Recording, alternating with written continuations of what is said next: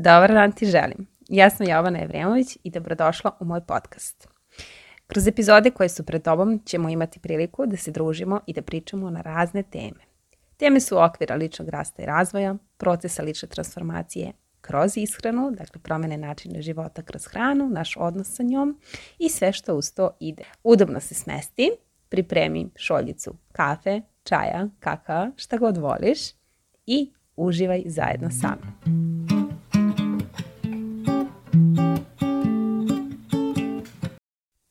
Dobar dan, drage moje. Danas sa vama želim da nastavimo temu od prethodne epizode i da popričamo malo o tome zašto je toliko teško odvažiti se i krenuti ka ženi broj 2. Vi koji ste poslušali prethodnu epizodu, sećate se da sam pomenula primjer dve žene i na osnovu njega objasnila šta je to proces lične transformacije. Za one koji nisu poslušali, nek se vrate unazad i poslušajte ovu epizodu. Sigurna sam da će vam dati neke nove uvide. Žena broj dva je žena koja zna šta želi, žena koja se ne plaši da to ostvari, žena koja ima viziju, žena koja može da zamisli šta je to što želi da postigne, kako želi da se osjeća, koja je osvestila da je predugo bila u patnji i da ne želi više tako da živi, da želi da živi slobodno, u miru i sa lakoćom. Ja verujem da i nakon čitanja vaših utisaka, odnosno feedbacka koji sam dobila na prethodnu epizodu, da je puno vas u nekom periodu svog života bilo ova žena broj 2, ali da se iz raznoraznih razloga, koje samo mi znamo jer život je takav, prosto nosi i lepe i manje lepe i lake i teške trenutke. I sigurna sam da ste se u nekom tom teškom trenutku odvojili od te žene, udaljili i postali ona žena broj jedan koja je navikla da pristaje na manje. I ono što želim da vam kažem jeste da je to u redu. Da pokušate da razumete sebe, da razumete vaše unutrašnje biće koje u ovom trenutku pati i treba podršku. Kojem nije lako, koje je prošlo ili prolazi neke teške trenutke, neke teške promjene na koje ponekad i ne možemo da utječemo. Iako sam ja pobornik toga da uvek imamo izbor i da preuzimajući odgovornost i vraćajući moć u svoje ruke, možemo da postanemo nezaustavljive i da menjamo svoj život i kreiramo onako kako god želimo.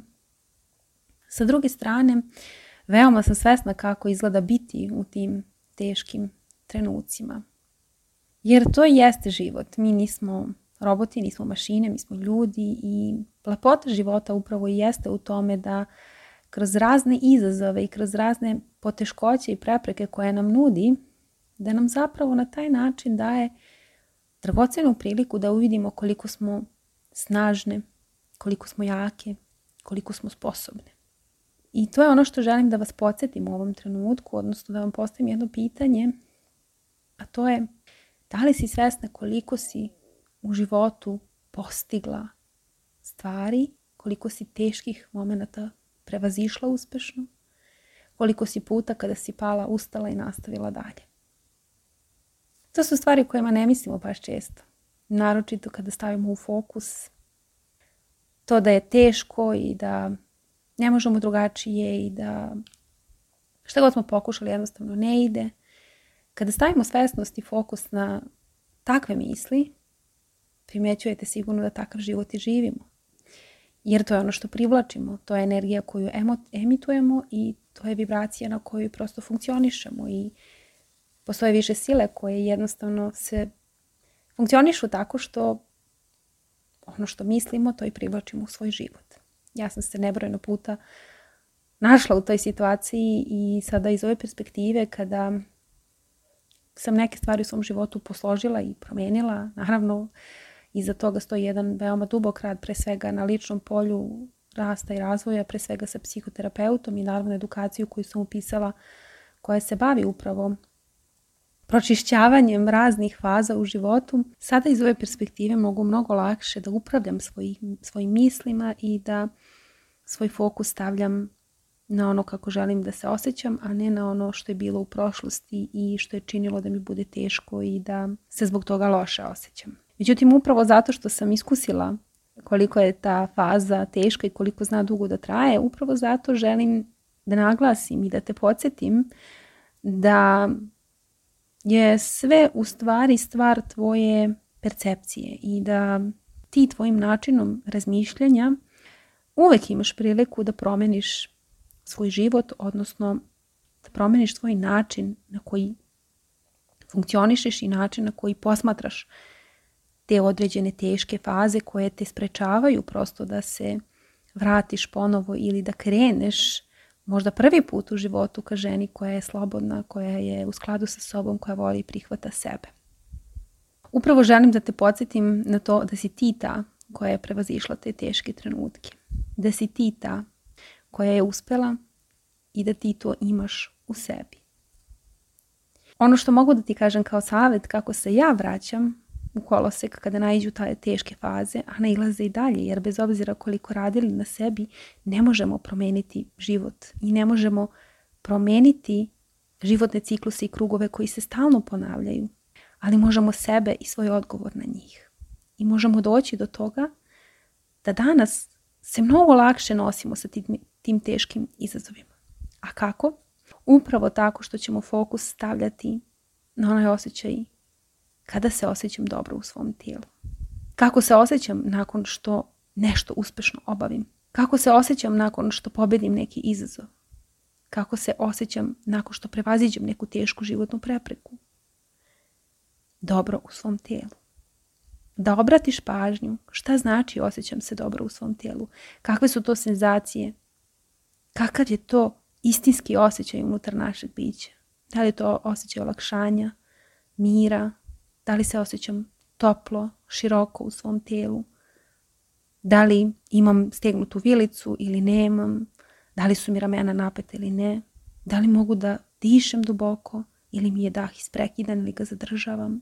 To su sve senzacije na koje možeš obratiti pažnju i vratiti fokus na taj osjećaj u telu i svesno pitati sebe da li želim da ostajem u trenutku patnje, u trenucima teško mi je, u trenucima analize, odnosno paralize, jer znamo da nas pretrano analiziranje parališe, prosto ne dozvoljava nam da preduzmemo nikakve korake, nego nas zacementira da budemo tu gde jesmo. Sva ova pitanja i ovaj osjećaj i vraćanje fokusa ti služe upravo da se podsjetiš da imaš tu ženu u sebi i da ona čeka.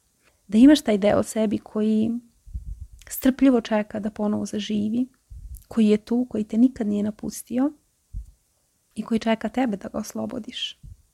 I upravo zato te pozivam da odgovoriš na ova pitanja, da pronađeš ovaj osjećaj kada ti je dobro u svom telu, koje su to situacije, da staviš fokus na njih, da staviš fokus na svoje disanje, u trenucima napetosti, u trenucima kada je teško, da uvek pogledaš oko sebe i da shvatiš da još uvek dišeš, da imaš priliku da dišeš, da imaš priliku da osjećaš tlo pod nogama, da imaš priliku da posmatraš stvari oko sebe, da imaš priliku da osjećaš da si živa, da si tu, uprko svemu, svemu onom teškom.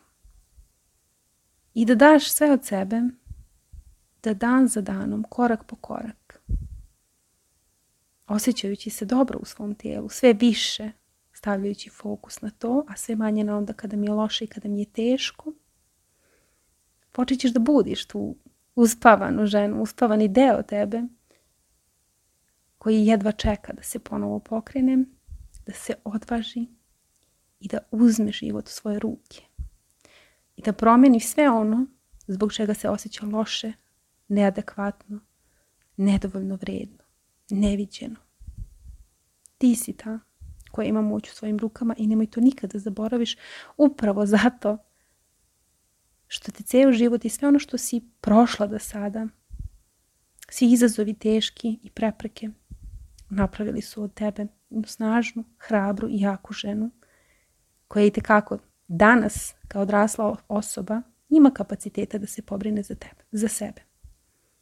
Samo je potrebno da se toga podsjeti. Do naredne epizode šaljem ti zagrljaj i radujem se tvojim utiscima i eventualnim pitanjima nakon ovog što si danas čula. Želim ti prijatan i uspešan ostatak dana. Hvala ti na izdvojenom vremenu, na slušanju i slušamo se u narednoj epizodi.